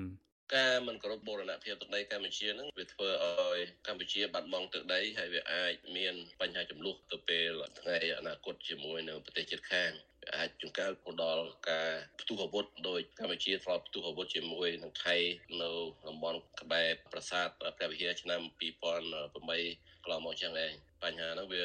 មិនចេះចប់ទេបើសិនជាប្រទេសទាំងអស់ហ្នឹងនៅតែរំលោភមកលើបូរណភាពទឹកដីកម្ពុជាហើយដែលប្រទេសចិនគាត់បានរំលោភនៅអធិបតេយ្យភាពនិងឯករាជ្យភាពនៅប្រជាក្រិតភាពរបស់កម្ពុជានោះឯងវាធ្វើឲ្យមានចំនួនរវាងកម្ពុជាជាមួយនៅប្រទេសជិតខាងព្រោះវាអាចបង្កអសន្តិសុខទៅដល់ប្រទេសជិតខាងដែលជាសត្រូវរបស់ចិនដែលគេសង្ស័យថាដាក់មូលដ្ឋានយោធានៅខេត្តបរសេនុនិងខេត្តកោះកុង កាលពីខែមិថុនាក្នុងដំណើរទស្សនកិច្ចដ៏កម្ររបស់មន្ត្រីជាន់ខ្ពស់អាមេរិកមកកាន់កម្ពុជាអនុរដ្ឋមន្ត្រីការបរទេសអាមេរិកអ្នកស្រី Wendy Sherman បានជំរុញឲ្យរដ្ឋាភិបាលលោកនាយរដ្ឋមន្ត្រីហ៊ុនសែនងាកមកគោរពសិទ្ធិមនុស្សស្ដារប្រជាធិបតេយ្យនិងរក្សាតុល្យភាពនៃនយោបាយការបរទេសរបស់ខ្លួនប្រធានស្ដីទីគណៈបកសង្គ្រោះជាតិ លោកសំរងស៊ីថ្លែងនៅក្នុងកិច្ចពិភាក្សារៀបចំដោយក្លឹបអ្នកកសែតបរទេសប្រចាំប្រទេសថៃកាលពីថ្ងៃទី19ខែតុលាថាក្រៅពីបញ្ហាប្រជាធិបតេយ្យនិងសិទ្ធិមនុស្សបញ្ហាប្រជាក្រិតរបស់កម្ពុជានេះអាចក្លាយជាកត្តាមួយដែលជំរុញឲ្យប្រទេសភាគីហត្ថលេខីលើកយកមកសារឺអំពីប្រសិទ្ធភាពនៃការអនុវត្តកិច្ចព្រមព្រៀងសន្តិភាពក្រុងប៉ារីសនេះឡើងវិញបាន។ លោកថាប្រទេសកាន់តែច្រើនឡើងឥឡូវនេះចង់ឃើញកម្ពុជា អនុវត្តនៅជំហរអព្យាក្រឹតពិតប្រាកដជាពិសេសពាក់ព័ន្ធទៅនឹងបញ្ហាតានតឹង នៅក្នុងតំបន់សមុទ្រចិនខាងត្បូងក៏ប៉ុន្តែតំណាងនឹងជាឯកអគ្គរដ្ឋទូតកម្ពុជាប្រចាំសហរដ្ឋអាមេរិកលោកជុំសន្ទ្រីថ្លែងថាគ្មានកាតព្វកិច្ចបច្ចុប្បន្នបន្ថែមទៀតទេក្រោមកិច្ចព្រមព្រៀងសន្តិភាពប៉ារីនីលោកថាកម្ពុជាបានរក្សាអព្យាក្រឹតអធិបតេយ្យ និងឯករាជ្យរបស់ខ្លួនដោយមានចែងក្នុងរដ្ឋធម្មនុញ្ញលោកជុំសន្តិរីផ្ដល់អំណះអំណាងថាកិច្ចព្រមព្រៀងសន្តិភាពក្រុងប៉ារីនេះមិនដែលមានចែងថាបន្ទាប់ពីដំណាក់កាលអន្តរកាលទៅ កម្ពុជានឹងស្ថិតនៅក្រោមការត្រួតពិនិត្យរបស់អន្តរជាតិនោះឡើយផ្ទុយពីការអះអាងនេះនាយិកាមជ្ឈមណ្ឌលសិទ្ធិមនុស្សកម្ពុជា អ្នកស្រីចော့សុភីបនិយាយថាការលើកឡើងយ៉ាងដូចនេះនឹងធ្វើឲ្យកម្ពុជាខាតបង់ខ្លាំង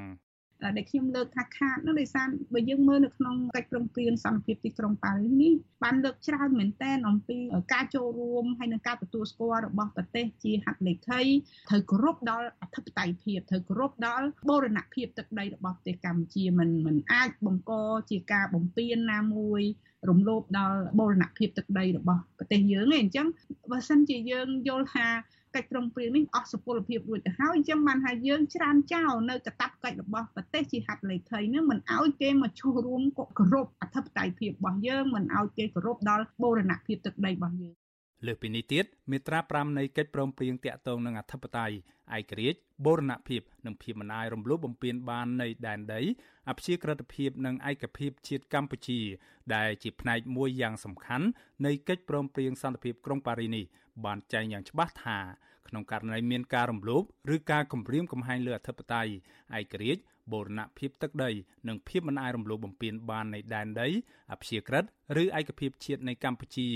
ឬលើការបដិញ្ញាអនុវត្តដទៃទៀតណាមួយនៅក្នុងកិច្ចព្រមព្រៀងនេះនោះបណ្ដាភាគីនៃកិច្ចព្រមព្រៀងនេះត្រូវធ្វើការពិគ្រោះយោបល់ជាបន្ទាន់ដើម្បីអនុម័តរាល់វិធានការសមស្របដើម្បីធានាការគោរពដល់ការបដិញ្ញាចិត្តទាំងនេះនិងដោះស្រាយរាល់បញ្ហារំលោភបំពានទាំងនោះតាមមធ្យោបាយដោយសន្តិវិធី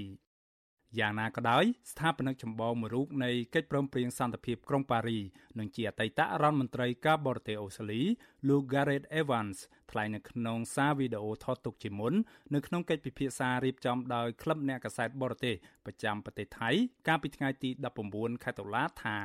លោកមិនមានសង្ឃឹមខ្លាំងទេទៅលើការកោះប្រជុំឡើងវិញនៃកិច្ចព្រមព្រៀងសន្តិភាពក្រុងប៉ារីនេះដោយសារតែប្រទេសចិននិងប្រទេសរុស្ស៊ីដែលជាភាគីហត្ថលេខីនៃកិច្ចព្រមព្រៀងនេះនៅតែអាចជំទាស់បាន នៅឯក្រុមប្រឹក្សាសន្តិសុខអង្គការសហប្រជាជាតិរីឯសមាគមអាស៊ានទៀតសោតក៏គ្មានអត្តពលលើពីនេះទៀតលោកថាក្នុងករណីដែលអាចមានការកោះប្រជុំរវាងភាគីហត្ថលេខីនៃកិច្ចព្រមព្រៀងសន្តិភាពក្រុងប៉ារីនេះបាន នោះលទ្ធផលនៃការកោះប្រជុំនោះគឺគ្មានអ្វីក្រៅតែពីរុញទៅឲ្យក្រុមប្រឹក្សាសិទ្ធិមនុស្សរបស់អង្គការសហប្រជាជាតិជាអ្នកពិនិត្យសម្រាប់បន្ត ដែលលោកថាក្រុមប្រឹក្សានេះពុំមានសមត្ថភាពនិងឥទ្ធិពលនោះទេដោយសារតែមានក្រុមប្រទេសប្លុកកុម្មុយនីសដូចជាចិននិងរុស្ស៊ីជាសមាជិកចាំជួយការពារនិងកាងឲ្យភាគីរដ្ឋាភិបាលកម្ពុជាដដែល ក៏ប៉ុន្តែអ្វីដែលជាក្តីសង្ឃឹមរបស់ស្ថាបនិកកិច្ចព្រមព្រៀងសន្តិភាពក្រុងប៉ារីរុងនេះគឺថាមានតែប្រជាពលរដ្ឋកម្ពុជាខ្លួនឯងនោះទេ ដែលជាអ្នកអាចកំណត់ជោគវាសនារបស់កម្ពុជាបាន ដោយមានការផ្ដល់ការគ្រប់គ្រងតាមរយៈការដាក់ទណ្ឌកម្មជាក់លាក់ពីក្រមប្រទេសនិយមប្រជាធិបតេយ្យ I believe that the greatest hope for Cambodia's future lies ខ្ញុំជឿថាក្តីសង្ឃឹមដ៏ខ្លាំងបំផុតសម្រាប់អនាគតរបស់ប្រទេសកម្ពុជានៅពេលនោះ គឺស្ថិតនៅលើប្រជាពលរដ្ឋកម្ពុជាខ្លួនឯងដោយមានការផ្ដល់ការគ្រប់គ្រងនិងសម្ពាធពីខាងក្រៅมันមានច្រើនទេ ពីអង្គការពហុភាគី តែពីប្រទេសនីមួយៗដែលបដិញ្ញាចិត្តពិតប្រាកដនៅក្នុងការលើកកម្ពស់សិទ្ធិមនុស្សនិងលទ្ធិប្រជាធិបតេយ្យប្រទេសទាំងនោះអាចដាក់នៅសម្ពាធពិតប្រាកដមួយចំនួន ជាពិសេសនៅក្នុងបរិបទនៃការបោះឆ្នោតជាតិឆ្នាំ2023ខាងមុខ ដើម្បីទាមទារឲ្យរបបលោកហ៊ុនសែនលុបចោលនៅបំរាមមកលើគណៈបកប្រឆាំងធំជាងគេនិងអនុញ្ញាតឲ្យមានការអនុវត្តពិតប្រាកដនៅសិទ្ធិប្រជាពលរដ្ឋនិងសិទ្ធិនយោបាយជាសកល ក្នុងចំណោមប្រជាពលរដ្ឋកម្ពុជាទាំងមូលកន្លងទៅការិយាល័យរបស់ប្រធានកិច្ចការសម្ងាត់អាមេរិកកាំងដែលជាបណ្ដុំភ្នាក់ងារកិច្ចការសម្ងាត់អាមេរិកកាំងចំនួន17ស្ថាប័ន ដែលក្នុងនោះក៏រួមមានទាំងភ្នាក់ងារ CIA ផងបានចេញរបាយការណ៍វាតម្លៃអំពីការគម្រាមកំហែងជាសកលប្រចាំឆ្នាំ2019ដោយបានវាតម្លៃថាការរអិលធ្លាក់របស់កម្ពុជាចូលទៅក្នុងរបបគ្រប់គ្រងបែបផ្ដាច់ការនិយម ដែលបណ្ដាលឲ្យគណៈបកប្រជាជនកម្ពុជាអាចគ្រប់គ្រងបានទាំងស្រុងនៅអំណាចនីតិបញ្ញត្តិរបស់ប្រទេសនេះ អាចបើកផ្លូវឲ្យមានការធ្វើវិសោធនកម្មកែប្រែរដ្ឋធម្មនុញ្ញដែលអាចបណ្ដាលឲ្យមានវត្តមានយោធាចិននៅក្នុងប្រទេសកម្ពុជាបានខ្ញុំបាទមេរិត Visual C ស្រីរាយការណ៍ពីរដ្ឋធានី Washington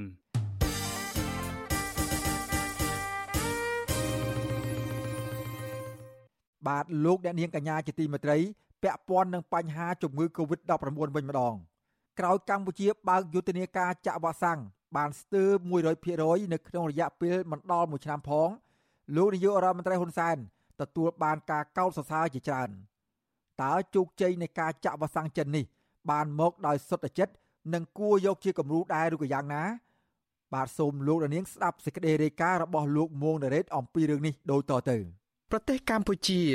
ឈានមុខគេទាំងក្នុងតំបន់និងលើពិភពលោកក្នុងការសម្រុកចាក់វ៉ាក់សាំងបង្ការជំងឺ Covid-19 ជូនប្រជាពលរដ្ឋរបស់ខ្លួនគិតមកត្រឹមថ្ងៃទី21ខែតុលាបើតាមសេចក្តីជូនដំណឹងរបស់ក្រសួងសុខាភិបាលពលរដ្ឋជាង96.7%ដែលគ្រប់អាយុចាក់វ៉ាក់សាំងអាយុចាប់ពី6ឆ្នាំឡើងទៅ បានចាក់វ៉ាក់សាំង2ដូសនិងជិត1លាន6សែននាក់បានចាក់ដូសទី3ដែលជាដូសជំរុញទៅទៀតភាគច្រើនលើសលប់នៃវ៉ាក់សាំងទាំងនេះគឺជាវ៉ាក់សាំងរបស់ចិន ដែលរងការរិះគន់ថាមានគុណភាពទាបកន្លងមក មានសេចក្តីរាយការណ៍ជាច្រើនរបស់សារព័ត៌មានអន្តរជាតិដែលចុះផ្សាយអំពីប្រជាពលរដ្ឋនៅប្រទេសជាច្រើន ដែលអល់ឯកឬក៏ជំទាស់ទៅនឹងការចាក់វ៉ាក់សាំងចិនដែលមានគុណភាពទាបនេះពួកគាត់ចង់ចាក់វ៉ាក់សាំងអង់គ្លេសនិងអាមេរិក ក្នុងចំណោមវ៉ាក់សាំងជាង37លាន5សែនដូសដែលកម្ពុជាទិញនិងទទួលបានជាអំណោយភាគច្រើនលើសលប់ជាវ៉ាក់សាំងចិននៅក្នុងនោះកម្ពុជាចំណាយប្រាក់ជិត300លានដុល្លារទិញវ៉ាក់សាំងចិនទាំងនេះកម្ពុជាចាក់វ៉ាក់សាំងចិនជូនប្រជាពលរដ្ឋខ្លួនឯងតាំងពីអង្គការសុខភាពពិភពលោកមិនទាន់ទទួលស្គាល់គុណភាពជាផ្លូវការមកម្លេះ ជាងនេះទៅទៀតថ្មីថ្មីនេះកម្ពុជាឈានមុខគេនៅក្នុងការយកវ៉ាក់សាំងចិនមកចាក់ជូនយុវជនក្រោមអាយុ17ឆ្នាំនិងកុមារអាយុចាប់ពី6ឆ្នាំដល់12ឆ្នាំក្នុងពេលដែលអង្គការសុខភាពពិភពលោកមិនទាន់ប្រកាសថាមានសុវត្ថិភាពសម្រាប់ក្មេងវ័យនេះនៅឡើយ។ បើយើងងាកទៅក្រោយបន្តិចនៅពេលដែលជំងឺ Covid-19 ទើបចាប់ផ្ដើមផ្ទុះរីករាលដាលនៅកម្ពុជាកាលពីដើមឆ្នាំ2020នោះលោកនាយរដ្ឋមន្ត្រីហ៊ុនសែនមិនត្រឹមតែមើលស្រាលជំងឺនេះទេ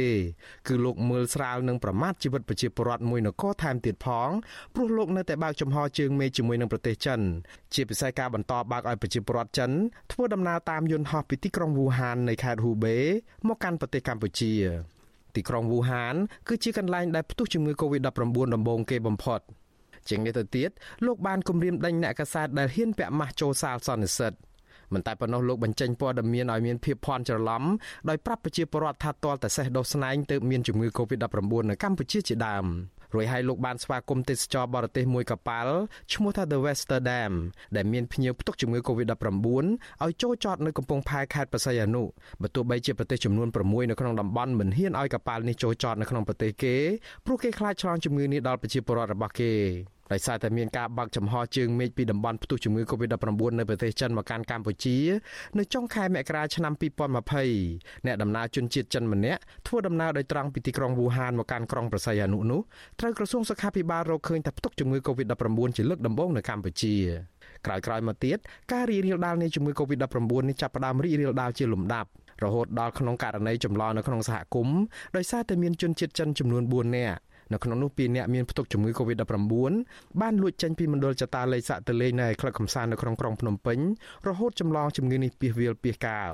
ស្របពេលជាមួយគ្នានោះប្រទេសចិនក៏កំពុងតែសាកល្បងនឹងពិសោធន៍វ៉ាក់សាំងបង្ការជំងឺ Covid-19 របស់ខ្លួននៅឯប្រទេសជាច្រើនប្រទេសកម្ពុជាស្ថិតនៅក្នុងចំណោមប្រទេសមួយដែលទទួលបានវ៉ាក់សាំងពិសោធន៍នេះព្រោះអង្គការសុខភាពពិភពលោកមិនទាន់ទទួលស្គាល់នៅឡើយ ពេលយុទ្ធនាការចាក់វ៉ាក់សាំងចិននេះចាប់ផ្ដើមកាលពីដើមខែកុម្ភៈប្រជាពលរដ្ឋច្រើនណាស់បង្ហាញចំហមិនចង់ចាក់វ៉ាក់សាំងចិនសូម្បីតែលោកហ៊ុនសែនផ្ទាល់ក៏មិនព្រមចាក់វ៉ាក់សាំងចិននេះដែរដោយលោកយកលេសថាលោកលើសអាយុតែតាមការពិតវ៉ាក់សាំងចិនអាចចាក់លើប្រជាពលរដ្ឋក្នុងវ័យលោកបានសន្ទុះនៃការចាក់វ៉ាក់សាំងចិននេះប្រព្រឹត្តទៅកើមកើមយឺតដូចខ្យងព្រោះមិនសូវមានការគ្រប់គ្រងពីប្រជាពលរដ្ឋទូទៅ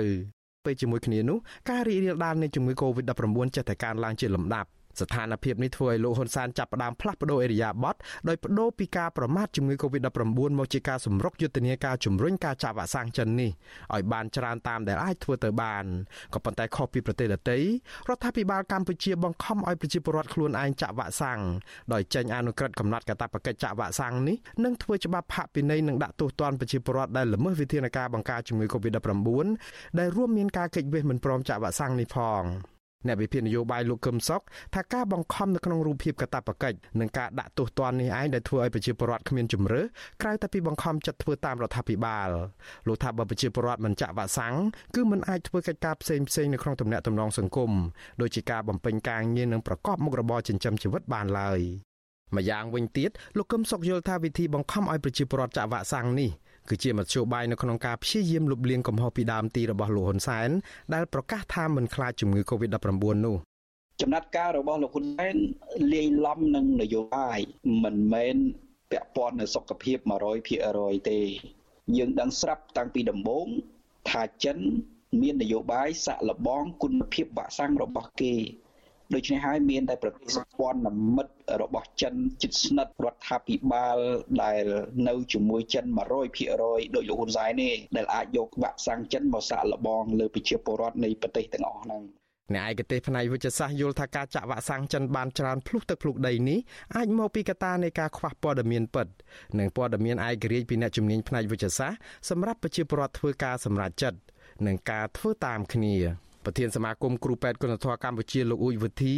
ថាការធ្វើតាមគ្នានេះគឺធ្វើឲ្យអ្នកខ្លះអួតសម្ញាញបានចាក់វ៉ាក់សាំងទាំងមិនដឹងថាវ៉ាក់សាំងនោះមានគុណភាពឬយ៉ាងណានោះផង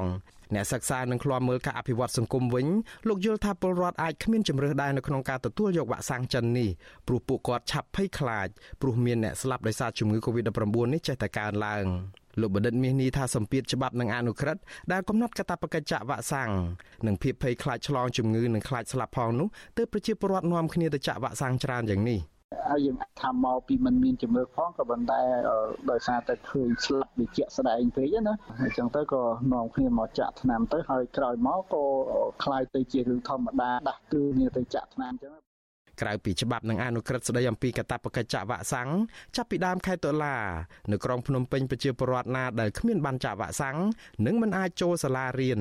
ទីផ្សារនិងទីតាំងអាជីវកម្មនានានៅក្នុងក្រុងភ្នំពេញបានទៀតឡើយសេចក្តីណែនាំរបស់រដ្ឋបាលក្រុងភ្នំពេញកាលពីថ្ងៃទី5ខែតុលាតម្រូវឲ្យបុគ្គលដែលមានអាយុចាប់ពី18ឆ្នាំឡើងទៅត្រូវតែមានកាតព្វកិច្ចបង្ហាញបានចាក់វ៉ាក់សាំងបង្ការជំងឺ Covid-19 រាល់ពេលចេញចូលទីតាំងឬកន្លែងដូចជាគ្រឹះស្ថានសិក្សាផ្សាររដ្ឋផ្សារឯកជន ផ្សារម៉ាតភោជនីយដ្ឋាន អាហារដ្ឋាន ហាងកាហ្វេនិងទីតាំងផ្សេងទៀតដែលត្រូវបានអនុញ្ញាតឲ្យបើកដំណើរការនេះអាចជាកត្តាបង្ខំមួយទៀតដែលធ្វើឲ្យប្រជាពលរដ្ឋដែលអល់អាចរឿងចាក់វ៉ាក់សាំងចិនគ្មានជំរឿអ្វីក្រៅពីនាំគ្នាទៅចាក់វ៉ាក់សាំងនេះដើម្បីសម្រួលបញ្ហាជីវភាពប្រចាំថ្ងៃ ការបង្ខំឲ្យចាក់វ៉ាក់សាំងនេះគឺធ្វើផ្ទុយទៅនឹងគោលការណ៍របស់អង្គការសុខភាពពិភពលោក WHO ដែលកាលពីចុងឆ្នាំ2020បញ្ជាក់ថាអង្គការនេះមិនគាំទ្រយុទ្ធនាការបែបនេះនោះឡើយដូចគ្នានេះដែរអ្នករាយការណ៍ពិសេសរបស់អង្គការសហប្រជាជាតិទទួលបន្ទុកផ្នែកសិទ្ធិមនុស្សនៅកម្ពុជាលោកវិទិតមន្តបនក៏លើកឡើងអំពីបញ្ហាបង្ខំឲ្យចាក់វ៉ាក់សាំងនេះដែរនៅក្នុងរបាយការណ៍សិទ្ធិមនុស្សដាក់ជូនទៅក្រុមប្រឹក្សាសិទ្ធិមនុស្សនៃអង្គការសហប្រជាជាតិកាលពីដើមខែសីហាលោកវិទិតមន្តបនសង្កត់ធ្ងន់ទៅលើគោលការណ៍ជាអន្តរជាតិអំពីសិទ្ធិរបស់ប្រជាពលរដ្ឋនៅក្នុងការជ្រើសរើសឬក៏ព្រមទទួលយកវ៉ាក់សាំងណាមួយដោយស្ម័គ្រចិត្តលោកថានៅកម្ពុជានៅមានបញ្ហានេះនឹងបញ្ហានៃគុណភាពវ៉ាក់សាំង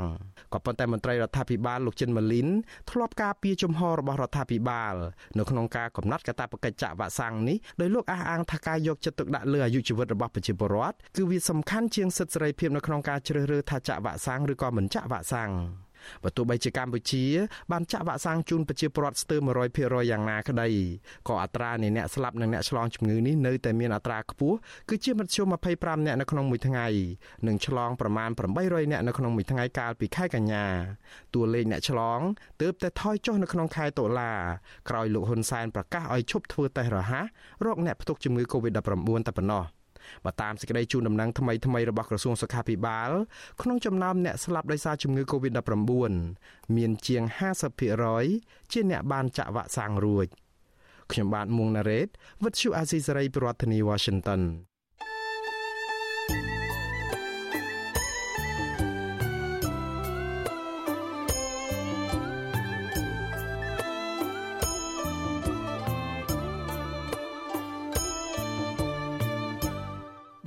លោកអ្នកនាងកញ្ញាជាទីមេត្រី ការផ្សាយរយៈពេល1ម៉ោងរបស់វិទ្យុអសីស្រីនៅពេលនេះចប់តែប៉ុណ្ណេះយើងខ្ញុំសូមគោរពជូនពរដល់អស់លោកអ្នកនាងព្រមទាំងក្រុមគ្រួសារទាំងអស់ឲ្យជួបប្រកបតែនឹងសេចក្តីសុខចម្រើនរុងរឿងកំបីគ្លៀងគ្លាតឡើយខ្ញុំបាទសេកបណ្ឌិតព្រមទាំងក្រុមការងារទាំងអស់នៃវិទ្យុអសីសេរី សូមអរគុណនិងសូមជម្រាបលា